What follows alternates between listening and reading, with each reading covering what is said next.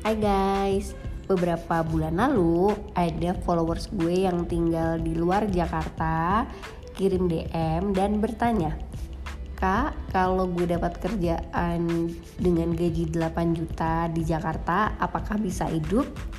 Nah kebetulan si followers gue ini adalah seorang fresh graduate dan dia anak dari luar Jakarta sehingga pengen cari tahu terlebih dahulu sebelum menerima offer tersebut sebenarnya gue udah jawab nih DM tersebut tapi supaya lebih seru gue share juga ke IG story untuk mendapatkan tanggapan dari teman-teman. So today mari kita bahas mengenai gaji fresh graduate di Jakarta dan bagaimana cara mengaturnya dalam episode merantau ke Jakarta salah satu problem yang dihadapi anak-anak yang baru lulus kuliah adalah mau kerja di kota mana. Apakah mau kerja di kota dia sekarang tinggal atau mau pindah ke Jakarta? Kalau akhirnya kalian memutuskan untuk pindah ke Jakarta, perlu juga mempertimbangkan gaji yang ditawarkan ke kalian. Apakah gaji tersebut bisa mengcover biaya hidup di Jakarta atau tidak? Nah, karena followers gue ini belum pernah tinggal di Jakarta dan dia juga baru lulus kuliah, jadi dia agak-agak ragu nih 8 juta itu cukup atau enggak untuk tinggal di Jakarta karena kan mungkin selama ini juga di pikirnya tinggal di Jakarta tuh mahal tapi mahalnya tuh seberapa gitu kan makanya dia double check ke gue kalau misalnya kalian sedang menghadapi kegelisahan yang sama pindah ke Jakarta nggak ya? Gajinya cukup nggak ya? Gue sarankan kalian untuk membreakdown 6 poin sebagai biaya dasar untuk kalian tinggal di perantauan. Yang pertama adalah biaya tempat tinggal yang kedua adalah biaya transportasi yang ketiga adalah biaya yang terkait dengan komunikasi maupun internet yang keempat adalah biaya makan, yang kelima adalah biaya groceries atau belanja bulanan, dan yang terakhir adalah biaya entertainment. Nanti kita bahas ya satu persatu. But the thing is sebenarnya kalau ngomongin tentang offering salary, waktu gue pertama kali uh, mendapatkan offering salary itu memang pertimbangan-pertimbangannya banyak. Karena waktu itu salary yang di offer ke gue cuma 1,9 guys.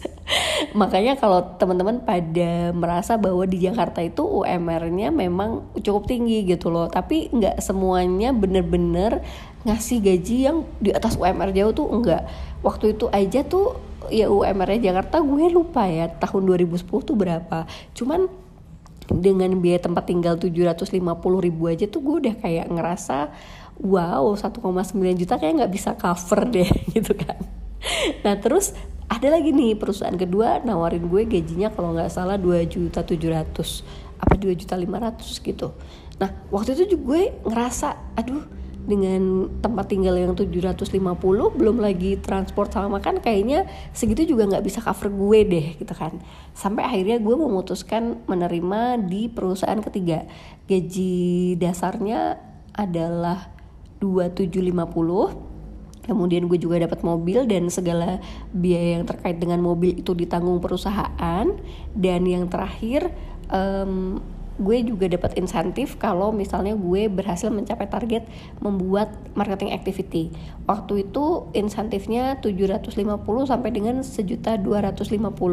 Jadi di total kalau misalnya gue bisa achieve 100%, gue dapat 4 juta. Tapi kalau misalnya enggak achieve ya sering-seringnya gue dapat di 3250 lah itu normal ya cuman waktu itu yang bikin gue boros nggak bisa nabung adalah uh, biaya yang terkait mobil itu sistemnya reimburse guys. Jadi untuk bensin tol parkir gitu-gitu gue harus bayar di depan dulu baru gue reimburse kan.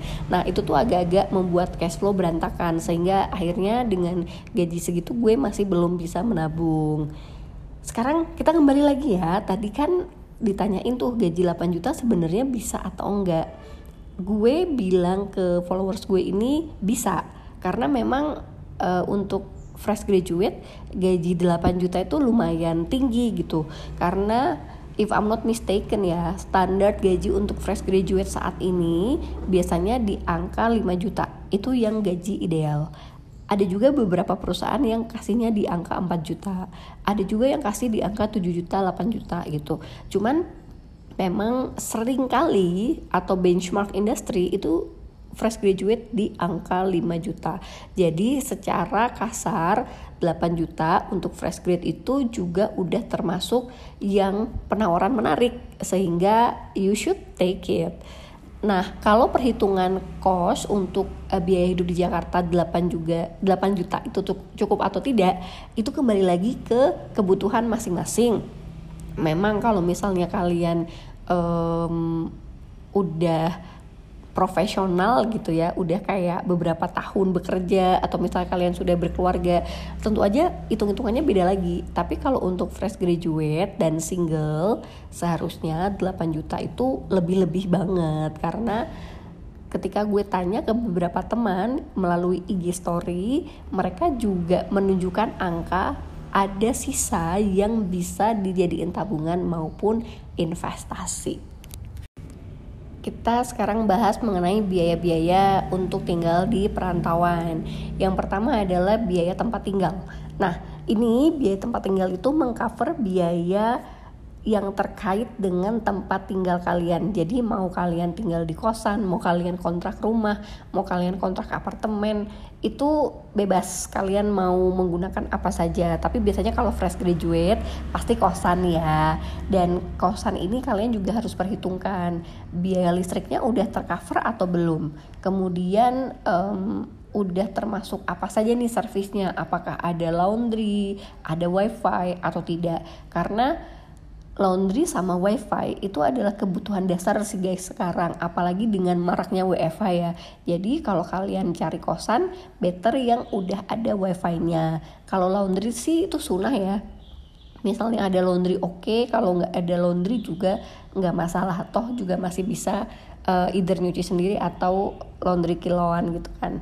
Jadi untuk biaya tempat tinggal ini kalian harus melihat apakah biaya tersebut sudah mengcover listrik, wifi, dan laundry atau belum. Kalau misalnya kalian memutuskan untuk tinggal di apartemen, kalian juga harus pastikan ada biaya yang namanya maintenance fee, ada common common area fee, kemudian ada banyak VV lainnya gitu. Sehingga gue sih saja sih ya kalau untuk fresh graduate dengan gaji 8 juta udah tinggal di apartemen.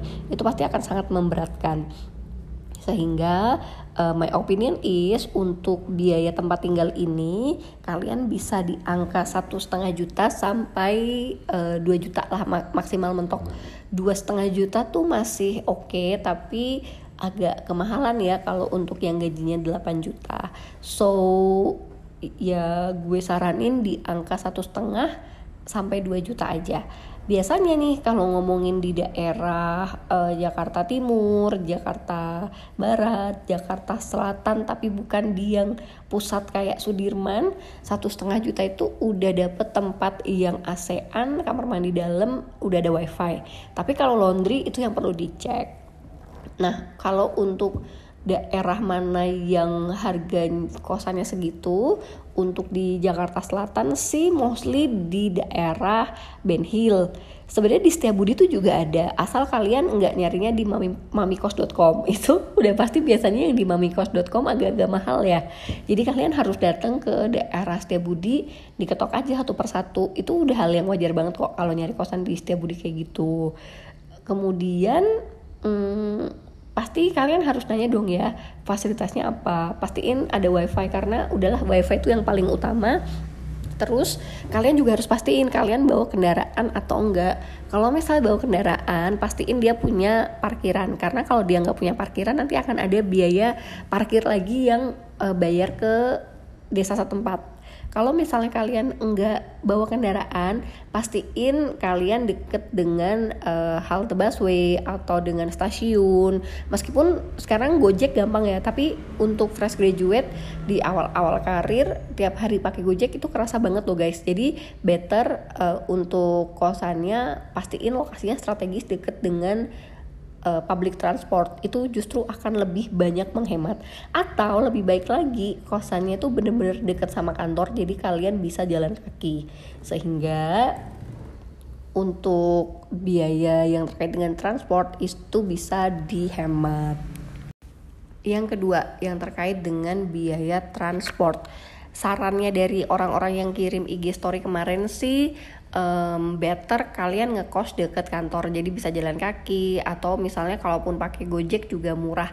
Tapi ya guys Gojek itu ini tahun 2021 paling murah tuh waktu itu sempat 9000 sih. Tapi kayak sekarang naik deh di 12000 kebayang nggak? PP 24000 24000 kali 20 hari kerja aja kalian udah 480 bayangin kalau kalian jalan kaki kalian bisa menghilangkan tuh 480 biaya transport. Atau kalian juga bisa menggunakan busway. Kalau pakai busway akan jauh lebih murah karena busway kan cuma 3.500 ya. Jadi uh, eh, PP bisa 7.000 7.000 kali 20 hari kerja. Jadi kalian cuman 140.000 untuk biaya transport.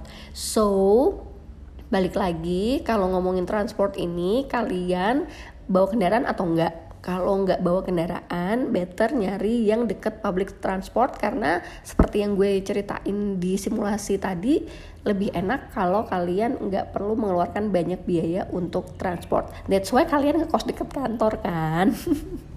Karena akan lebih mempermudah hidup kita. Kalaupun misalnya lembur juga enak deket kantor kok kosannya. Jadi nggak perlu kayak capek ataupun uh, lepek di jalan gitu loh.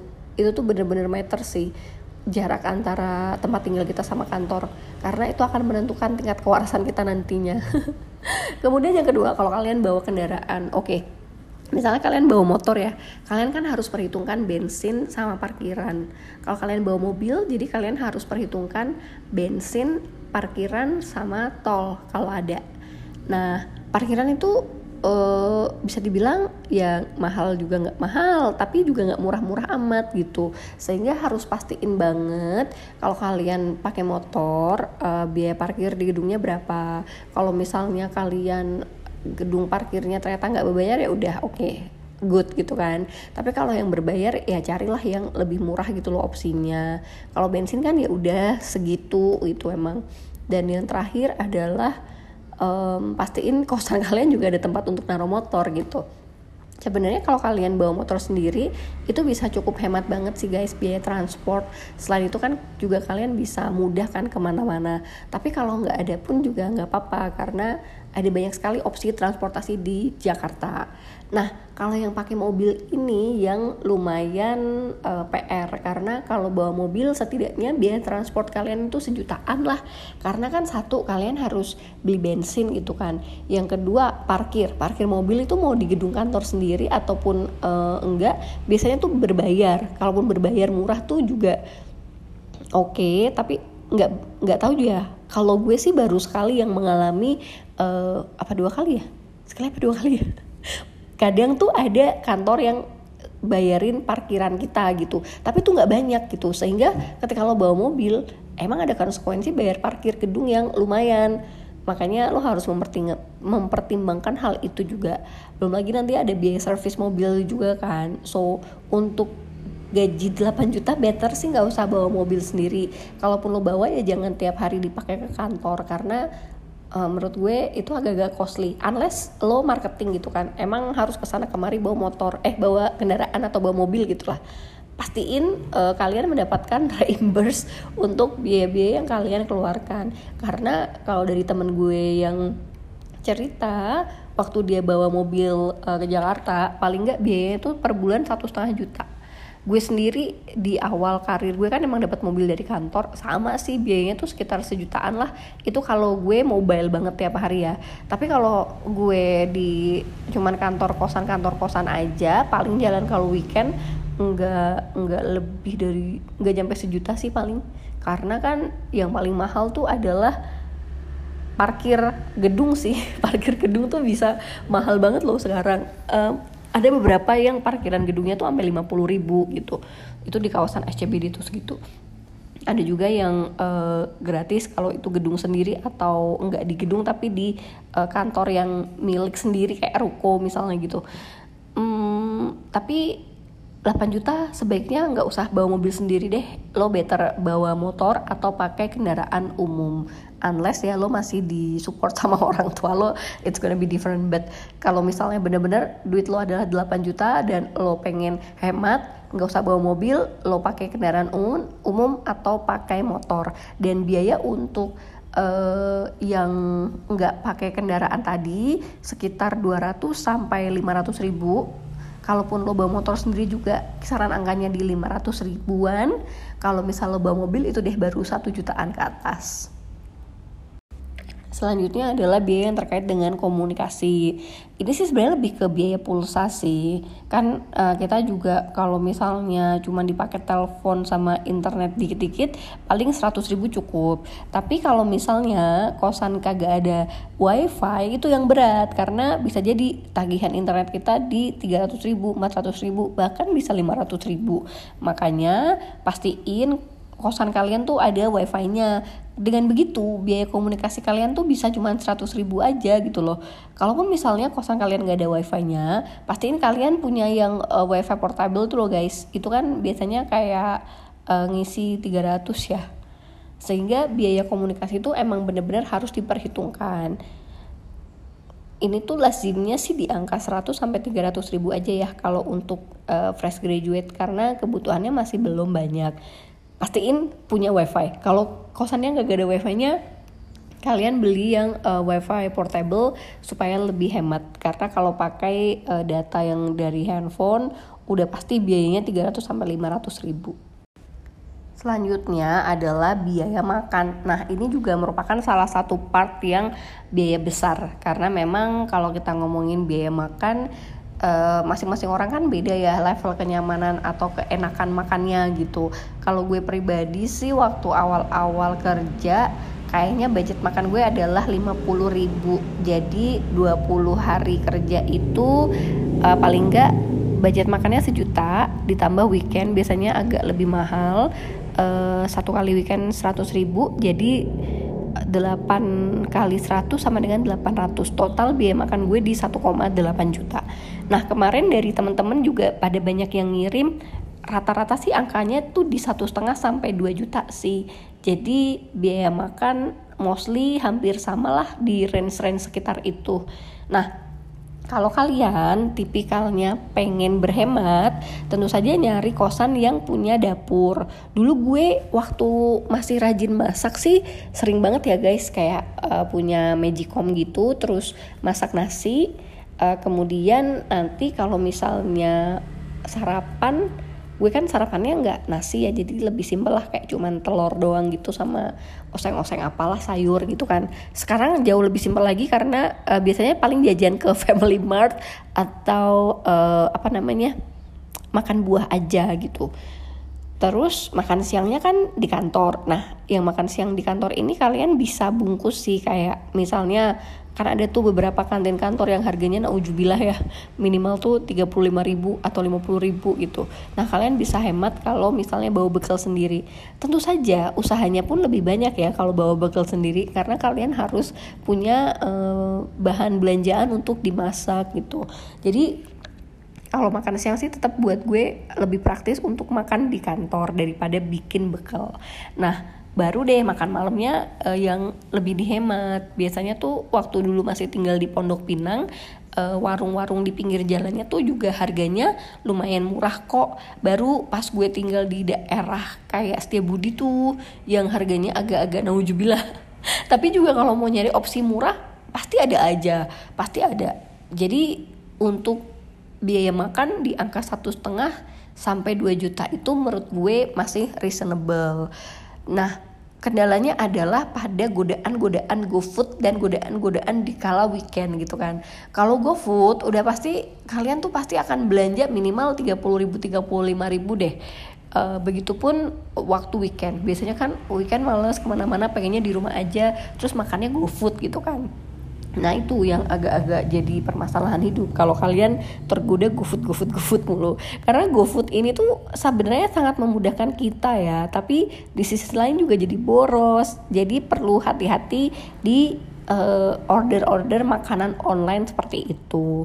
Nah, kalau misalnya weekend ke mall gimana? Ya balik lagi ke budget kalian masing-masing. Misalnya kalau budget kalian 100 ribu ya udah makan sushi teh oke okay, tapi harus dibatasi gitu. Dulu waktu gue awal-awal fresh graduate gitu ya di kantor pertama gue tuh makan sushi teh paling sebulan sekali doang guys.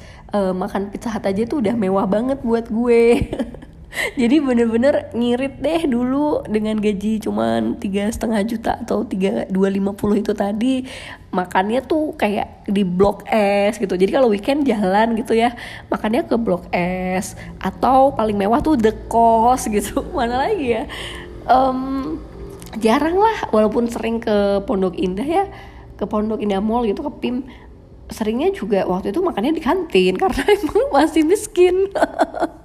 Atau paling makan KFC gitu ya. Jadi waktu awal-awal tinggal di Jakarta dengan gaji yang ngepas makan mewahnya tuh dibatasi sebulan sekali aja pas abis gajian. Sisanya ya makan apa adanya gitu. Dan inget ya sushi teh itu barang yang mewah buat gue waktu itu. The cost juga barang yang mewah buat gue waktu itu. Uh, pizza hut juga barang yang mewah banget sehingga apa ya guys um, jangan ngikutin gaya hidup orang lain deh. Ikutin aja gaya hidup sesuai dengan gaji yang kita miliki Poin selanjutnya adalah groceries atau bisa juga diartikan belanja bulanan, tapi juga bisa dimasukin dengan biaya jajan.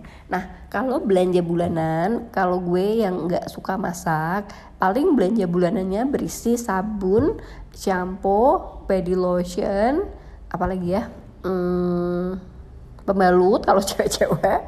Apalagi ya ya pokoknya itu deh kebutuhan-kebutuhan yang terkait dengan kalian uh, personal care maupun kalau misalnya kalian suka belanja untuk cemil-cemil di rumah gitu juga dimasukinnya ke groceries. Kayak misalnya lo belanja kopi saset, lo beli gula, lo beli uh, buah-buahan gitu. Nah, masukinlah itu ke budget groceries. Dan ini tuh emang harus dibudgetin sih kalian groceriesnya mau berapa biasanya uh, kalau yang berdasarkan IG story teman-teman gue mereka groceries itu di 300 sampai 500 ribu.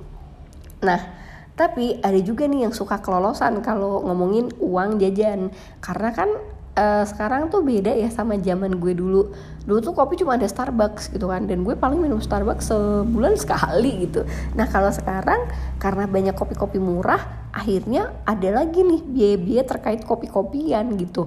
Kalau kalian tipikal anak kopi banget yang tiap hari harus minum kopi hati-hati nih. Budget groceries termasuk budget uang jajan itu harus disediakan uh, plafon atas atau batas atasnya.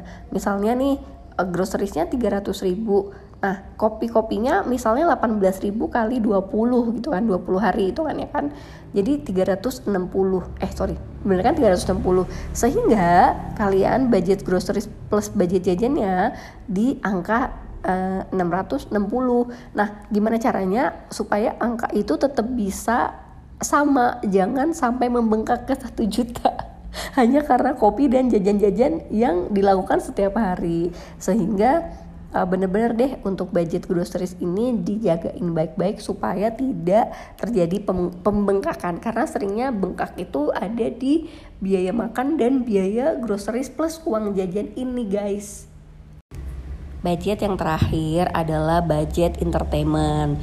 Nah entertainment pada masing-masing orang tuh beda guys tapi make sure bahwa entertain yang lo pilih adalah yang sesuai dengan gaji lo.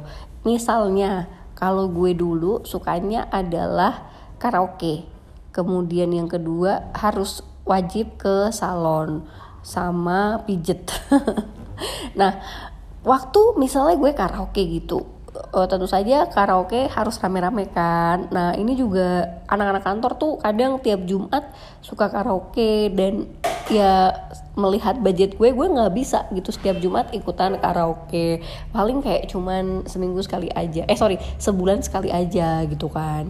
Kemudian salon. Nah dulu mana mana bisa gue afford Irwan Tim gitu kan sekarang aja juga masih mikir-mikir semua ke Irwan Tim paling dulu ya mampunya ke Joni Andrean ya Joni Andrean bahkan gue masih sering kok ke Joni Andrean yang training center karena di sana tuh harganya bisa uh, setengah dari harga Juni Andrean yang biasa.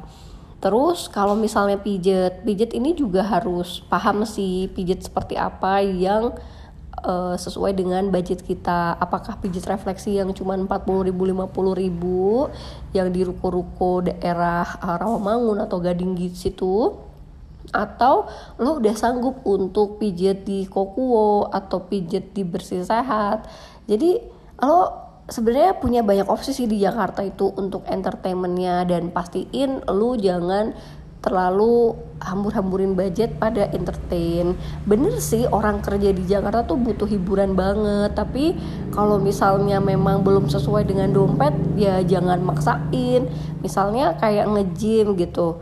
Lu emang butuh nge-gym. Gak harus dong gym yang harga membernya kayak sebulan 900 ribu. Lo bisa nyari alternatif lain yang gymnya kayak 350 mentok 500 gymnya juga nggak usah lah yang pakai PT karena kan PT juga mahal banget kan.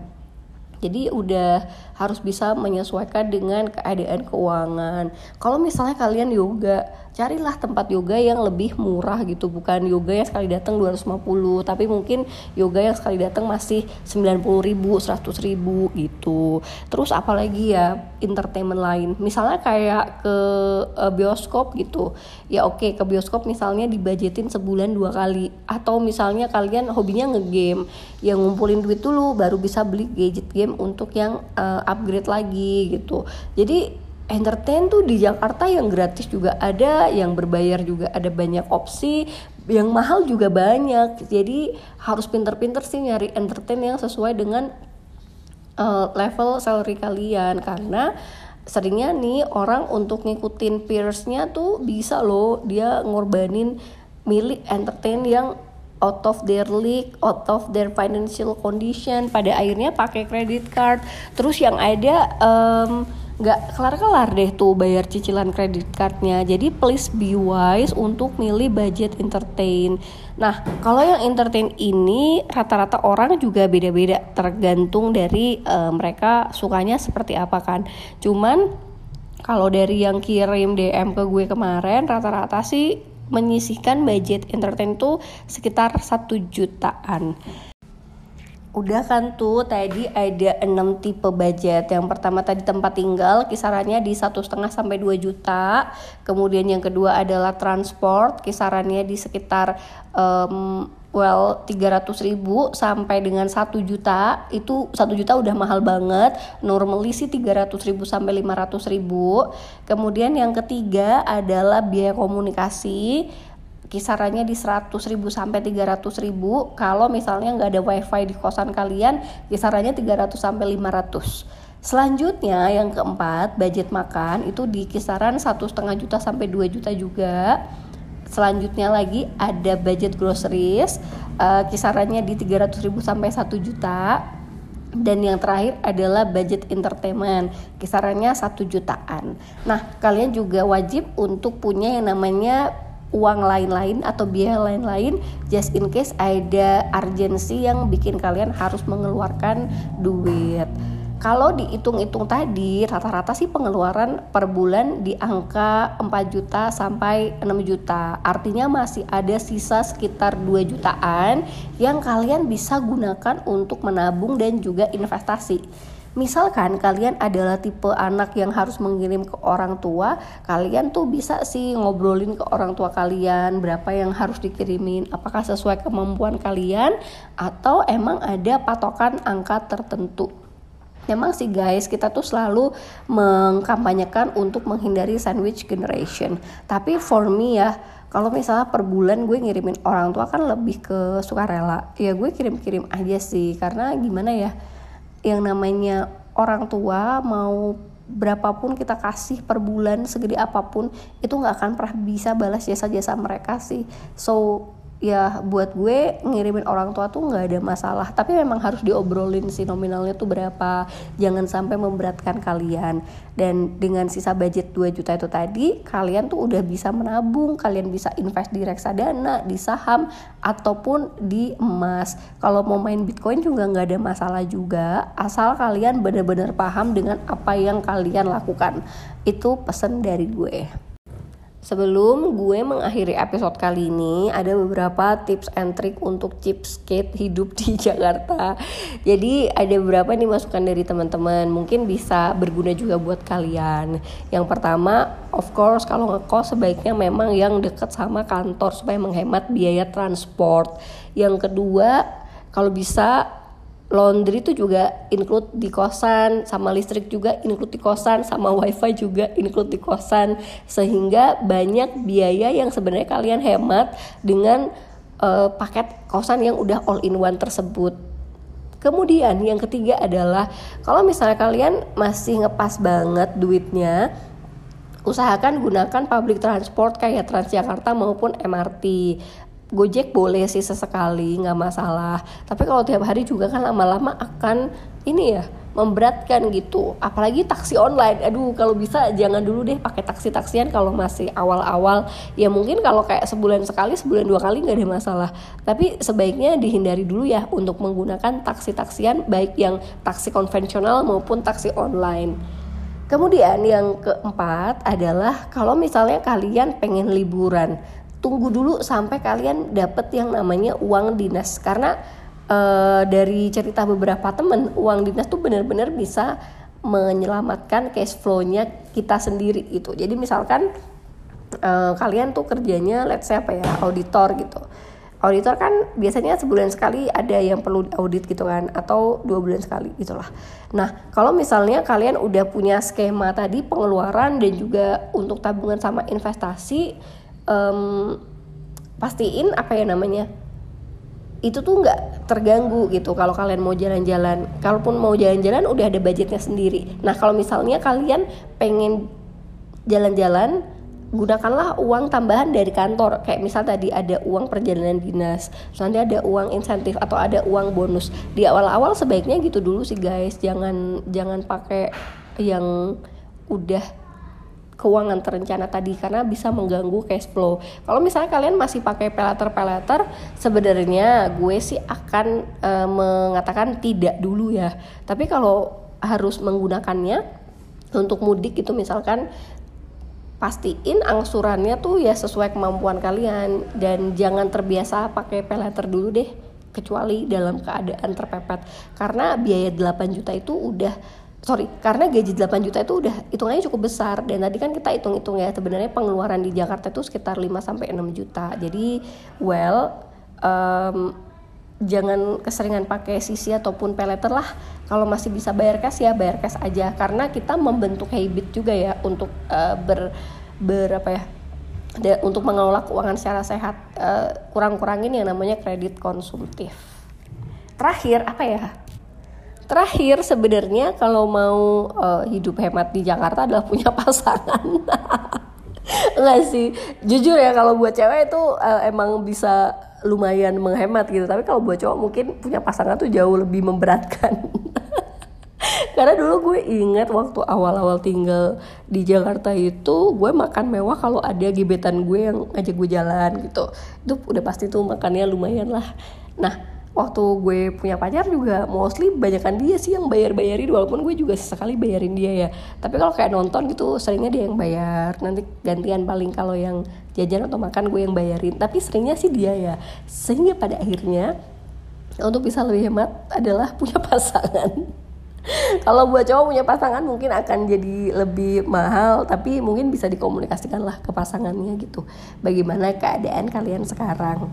Dan kurang-kurangin begaul meski Jakarta kayaknya rame banget senoparti senoparti gitu kan. Cuman janganlah kurang-kurangin dulu.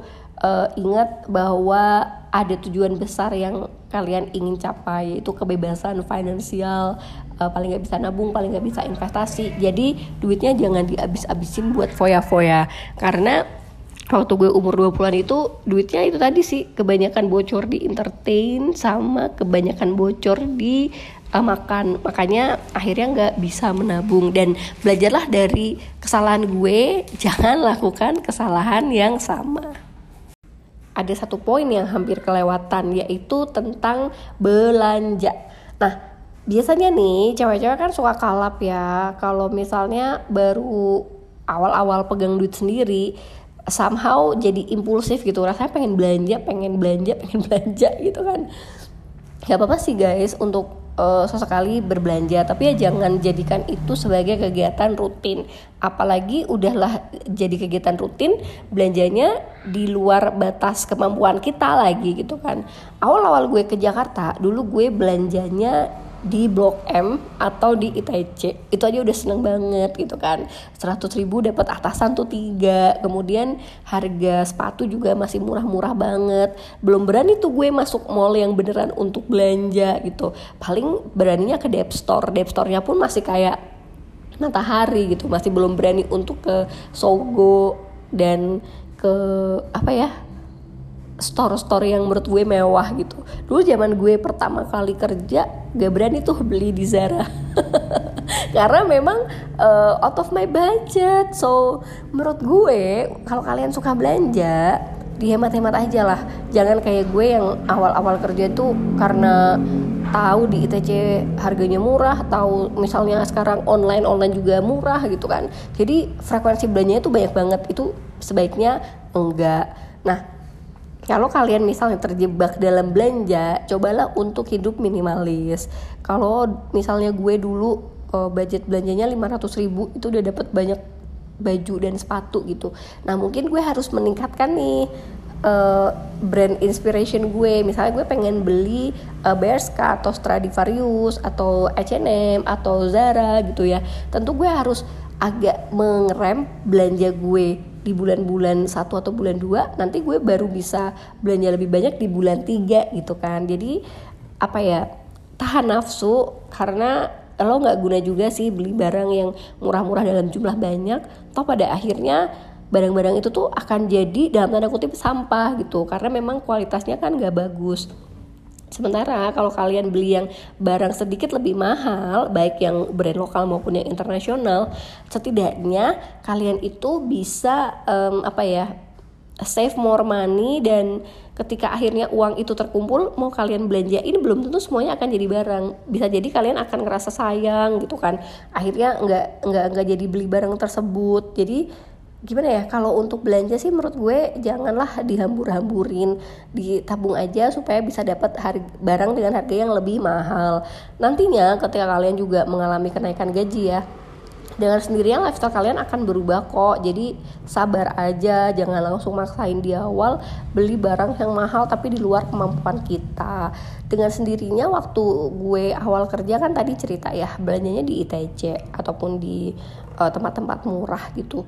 Nah ketika gue naik ke gaji sembilan setengah juta deh waktu itu kalau nggak salah itu deh gue baru mulai uh, berani belanja-belanja yang di mall karena memang uh, menurut gue sih kalau gaji masih di angka-angka 3 juta sampai 6 juta itu masih belum bisa afford yang branded uh, item gitu. Tapi kalau udah mulai ke sembilan setengah juta ke atas baru deh bisa mulai beli yang barang-barang um, dengan uh, brand tertentu atau dengan quality yang lebih bagus. So kalau kalian kayak sekarang gajinya tuh masih di angka-angka 5 juta sampai 8 juta ditahan dulu deh nafsu belanjanya mendingan ditabung uh, setelah tiga bulan nanti kalian baru belanja yang lebih bagus. Daripada setiap bulan selalu ngeluarin uang untuk belanja barang fashion tapi ujung-ujungnya uh, kualitasnya nggak bagus terus malah jadi sampah gitu.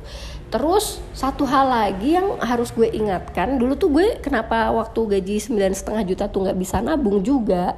Karenanya gini guys. Begitu gue mengalami kenaikan gaji dari 6 juta ke sembilan setengah juta itu kan lumayan gede kan kenaikannya. Gue langsung jadi jumawa. Dulu gue ngekosnya masih di yang kosan di bawah sejuta uh, which is belum ada AC kamar mandi juga di luar gitu. Gue pernah merasakan kosan kayak gitu guys. Um, dari kosan yang sederhana gitu tiba-tiba gue minta pindah ke deket kantor. Kantor gue waktu itu deket di daerah CBD uh, udah gitu maunya kosannya AC kamar mandi dalam wifi ada TV kabel dan lain-lain jadi mewah banget lah kosan gue emang waktu itu dari 750 ke dua setengah juta.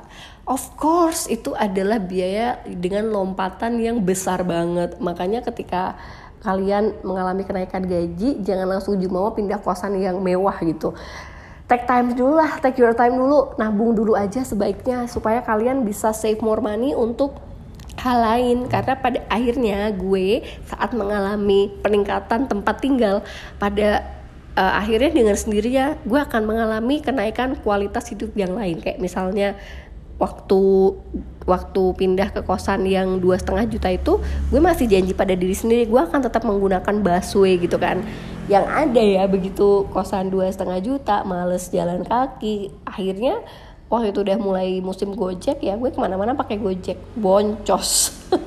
Terus nge ngantor di SCBD pulang sebelum jam 10 pakai gojek tuh jalannya muter-muter lah karena kan gojek nggak bisa lewat semanggi kan. Jadi harus pakai taksi terus aduh lama-lama gue pusing sendiri gitu. Dan ya ternyata bener waktu gue dibilangin temen gue di Jakarta 10 juta itu bisa kurang tapi kalau lo punya uang 5 juta itu bisa lebih. Itu bener banget sih guys karena gue pernah gaji 4,2 gue bisa nabung tapi gaji 9 setengah gue nggak ada sisanya sama sekali. Selain apa ya menjaga lifestyle kita kadang kita juga harus lebih bersyukur sih. Sehingga apa ya nggak nggak nggak gitu deh nggak tiba-tiba jadi boros dan jumawa gitu. Mudah-mudahan uh, kalian yang sedang mengalami apa ya masalah-masalah terkait uh, kosan ini atau kenaikan gaji terus naik lifestyle-nya bisa belajar sih dari yang gue alami bahwa kenaikan gaji 50% please jangan diimbangi dengan kenaikan lifestyle 50% juga. Karena dengan begitu ya lo mau kerja kayak apa pun kalau tiap kali naik gaji ikutan naik lifestyle pasti akan gak ada kelebihan untuk menabung ataupun investasi gitu. Sehingga harus benar-benar berani ngerem harus benar-benar bisa menahan ego dan menahan nafsu untuk bisa naik kelas dalam sisi lifestyle. Sabar-sabar aja guys. Pasti akan ada masa di mana kalian bisa hidup uh, dalam keadaan nyaman kok. You'll get there. Jadi jangan terlalu buru-buru oke? okay?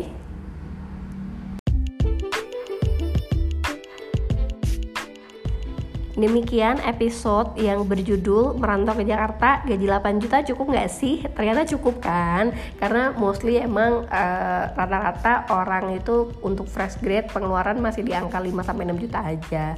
Jadi masih banyak uang yang bisa ditabung. Dan kalau bisa 5-6 juta ini juga direjus supaya tabungannya bisa semakin tinggi. Karena inget nih ya quotes gue bahwa uh, yang men, yang penting bukan seberapa besar yang kamu hasilkan, tapi seberapa besar yang kamu simpan. Karena masa depan itu kita tentukan sekarang saat ini. Jadi apa pun action lo saat ini akan bisa menentukan masa depan lo uh, di periode-periode mendatang kalau misalnya kalian masih bingung untuk money management sebenarnya gue buka konsultasi cuman memang yang sekarang di Bislab itu lagi agak apa ya lagi mau ganti policy gitulah tapi kalian bisa kok kalau mau langsung direct ke gue kirim DM aja ke @megaagnesti um, tarifnya tuh murah banget mulai dari 250 ribu. Tapi kalau yang tarif 250 ribu itu gue nggak akan buatin financial plan kalian.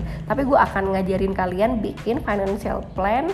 Nanti kita praktek bareng gue juga ada konsultasi sehingga apa ya both of us itu enggak capek gitu. Karena gue kalau bikinin orang financial plan di depan terus habis itu tetap jelasin panjang lebar di belakang itu justru dua kali kerja. Tapi kalau gue ngajarin dari depan terus nanti kalian praktek bikin financial plan sendiri terus terakhirnya konsultasi sama gue somehow gue lebih menikmati proses seperti itu daripada buatin financial plan ke orang yang belum belajar bikinnya sama sekali so yes please hit me on my instagram at mega kalau kalian pengen uh, konsultasi terkait money management. Harganya kan cukup affordable ya untuk yang gajinya 8 juta tadi. 250 rupiah saja uh, kita bisa belajar dalam jangka waktu 5 hari. Thank you so much guys for listening to this episode. Semoga membantu kalian untuk yang sedang berencana pindah ke Jakarta. Dan kalau kalian saat ini masih mencari kerja, good luck ya. Mudah-mudahan bisa mendapatkan pekerjaan yang bisa bikin kalian berkembang dan bikin kalian happy. Sampai ketemu di episode selanjutnya. Bye bye.